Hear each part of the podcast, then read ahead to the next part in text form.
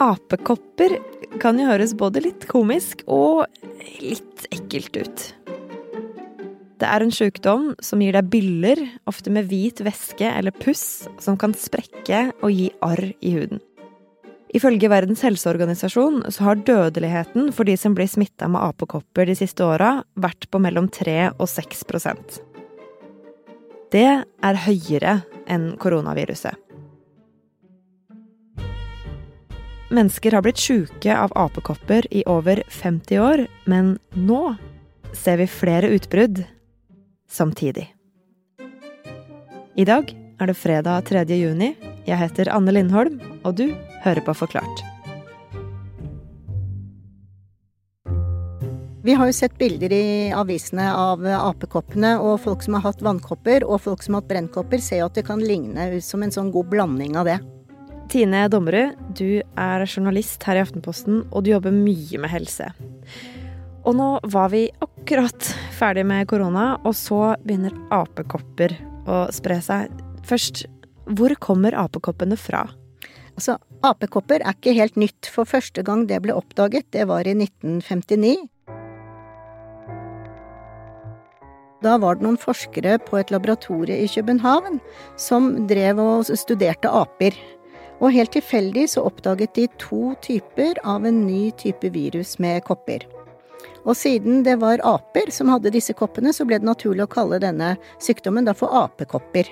Selv om det viser seg ettertid at det kanskje var ekorn eller noen andre gnagere som var aller først ute med denne type kopper.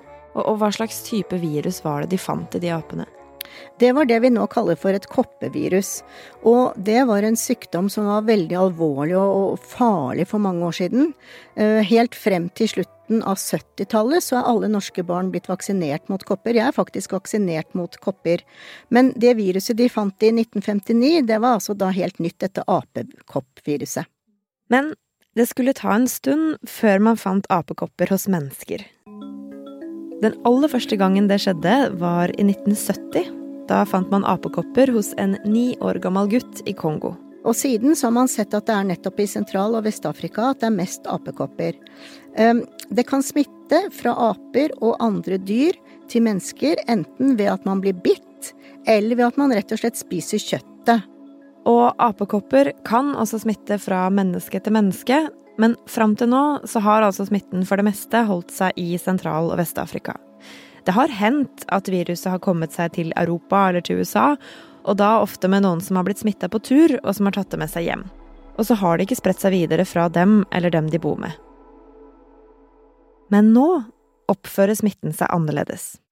Det som er spesielt nå, er at det sprer seg flere steder i Europa og Vesten samtidig. More than 550 confirmed cases have now been reported to WHO from 30 countries that are not endemic for monkeypox virus. For nå er det samtidige utbrudd i bl.a. Canada. Each day, the number of confirmed lab tests for monkeypox continues to grow. Public health teams in Quebec are now investigating 13 cases of suspected monkeypox. I Storbritannia. So the UK and some other European countries are now dealing with their worst ever monkeypox outbreak. I USA.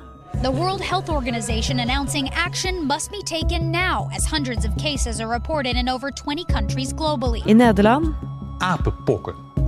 I Spania og i Portugal. Og denne uka så kom apekopper til Norge. En person har fått påvist apekopper i Norge. Det opplyser Folkehelseinstituttet. Den smittede er bosatt i Viken og har nylig vært på reise i utlandet. Hvorfor smitter viruset annerledes nå? Og hvor farlig er det å få det? Du kan jo hente gassmaska di. Veit du hvor den er, eller? Den er på rommet mitt. Har du hørt Fortalt? Nå er hele første sesong ute. Jeg er dømt for eh, drap. Hør tolv historier som overrasker og berører. Hos Podme eller i Aftenposten-appen. Tine, nå sprer apekopper seg mer enn noen gang før. Men folk har jo blitt sjuke av det viruset her i mange tiår. Hva er det som er annerledes nå? Det forsker de på over hele verden, og Folkehelseinstituttet ser også veldig grundig på dette. Folkehelseinstituttet setter det i sammenheng med at nå, nå, vaksineres jo ikke barn mot kopper lenger. Den siste vaksinen ble vel satt helt på slutten av 70-tallet. Og det at man har sluttet å vaksinere folk mot kopper, gjør jo at man ikke er motstand mot denne type kopper. Um, og så har man også sett at smitten har skjedd i enkelte miljøer. Det er blant annet i miljøer der har, menn har sex med menn. Men er det noen spesiell grunn til at det skulle spre seg blant akkurat menn som ligger med menn? Nei, ikke som man vet. Det kan være tilfeldig at noen har hatt det i det, disse miljøene, og så har det spredd seg litt i hemmelighet. Men man vet at i miljøer eller man vet at personer som har sex med mange forskjellig, er utsatt for større smittetrykk enn andre, og det gjelder vanlige kjønnssykdommer også.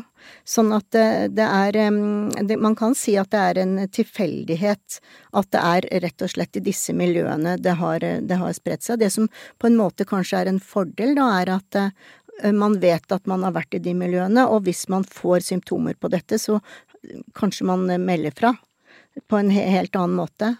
Eh, man vet jo at eh, disse typer koppene de smitter ved tett hudkontakt, og det kan smitte for eksempel gjennom sengeklær og håndklær, og det er helt uavhengig av kjønn. Ja, Så man, man kan få det av å låne håndkle til noen, eller å kline, man trenger ikke ha sex med noen for å få apekopper? Nei, man trenger ikke det. Det kan smitte i luften med store dråper også. All of us must work hard to fight stigma, which is not just wrong, it could also prevent infected individuals from seeking care, making it harder to stop transmission. Hvis du er uheldig og får apekopper, så vil du mest sannsynlig merke det. Det starter som regel med feber, hodepine og muskelsmerter. Og i motsetning til vanlige kopper, så får man ofte hovne lymfeknuter. Og så kommer utslettet. Det begynner som røde flekker, som ofte starter i ansiktet eller i skrittet. Og så sprer det seg. Så blir flekkene til blemmer. Blemmer som klør og blir fulle av puss. Som sprekker, og så blir til skorper. De fleste som får apekopper, får et mildt sykdomsforløp som det her, som går over uten behov for behandling, og det du kan få, er arr. Men det kan i noen tilfeller være dødelig. Og Tine, det her er en smittsom sykdom som vi ikke har forholdt oss til noe særlig før, og som nå har utbrudd flere steder i Europa, som kan være dødelig. Bør vi frike ut nå? Er det her en ny pandemi? Nei, det er det ikke. Og det er først og fremst fordi det smitter ikke så raskt som koronaviruset. Det var jo det som var det spesielle med koronaviruset. Det smittet jo helt ukontrollert, og det gjør ikke apekopper. Og man prøver jo nå også i Norge å følge med på de tilfellene hvor koppene, disse apekoppene kommer, sånn at man kan stoppe utbruddet der og da, altså ta stålkontroll. Ja, så vi kan, vi kan senke pandemi-PTSD-skuldrene, da? Ja, det kan vi. Vi har jo ikke noe lyst på apekopper. Det er jo ikke noe gøy å ha disse små uh, billene rundt omkring på kroppen, men jeg tror ikke vi skal være redd. Og eh, som du snakka om i stad, vaksiner. Det fins jo koppevaksine. Eh, fins det en vaksine mot apekopper?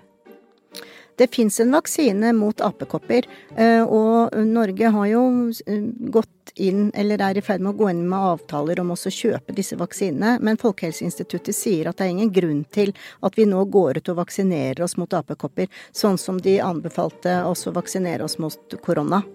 Um, vi må ikke glemme at også vannkopper f.eks. kan være farlig for personer med nedsatt immunforsvar, men man vaksineres ikke mot vannkopper i dag heller. Sjøl om apekopper har vært dødelig i Sentral-Afrika, så er det til nå ingen av de over 500 som er smitta i det utbruddet her, som har dødd av det, ifølge Verdens helseorganisasjon. Det er tusenvis og tusenvis av cases av monkeypox every år i Afrika, og det er are deaths every year. Uh, and our concern now is real. We have a concern about uh, this disease spreading in Europe. So I, I, think this is a lesson. These diseases will continue to emerge. They will continue to pressure. They will continue to cross the species barrier. The question is, are we in a position to collectively respond? For noen personer så kan apekopper være farlige, men det er jo farlig å leve. Det er jo altså mange sykdommer som er veldig bagatellmessig for de fleste av oss, kan være alvorlig for noen av oss. Og nå finnes det jo apekopper flere steder i Norge. Hva skal man gjøre hvis man tror man har det? Da skal man gå til legen med en gang. Så vil legen sjekke ut hva det er, og så vil det bli meldt inn til Folkehelseinstituttet. Og hva er det Folkehelseinstituttet gjør nå, da? Nå prøver de å kartlegge omfanget, blant annet, av eh, dette utbruddet i Norge, om man kan kalle det et utbrudd, nå er det to som har fått det, men de prøver å få en oversikt og følge med på folk som får apekopper. Så selv om smittesporinga og eh, nærkontaktsøkinga og at FHI følger med, selv om det føles litt pandemimessig, så kan vi i det store og det hele slappe av? Ja, det er ikke det vi skal være redd for å få akkurat nå, tror jeg. Jeg er mer redd for å få flått.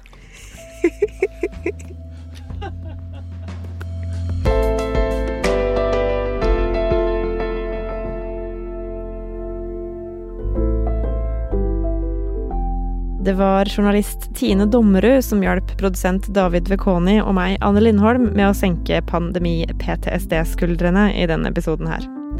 Resten av Forklart er Fride Nest Nonstad, Synne Søhol og Anders Weberg. Du hørte lyd fra nyhetsbyrået AP, fra Global News, CBC, Independent, Sky News, NBC News, NOS og NRK. Og er du interessert i politikk og samfunnsdebatt? Hver torsdag så tar podkasten Aftenpodden tak i det viktige og det mindre viktige, men som regel ganske festlige. Hør siste episode hos Podme eller i Aftenposten-appen.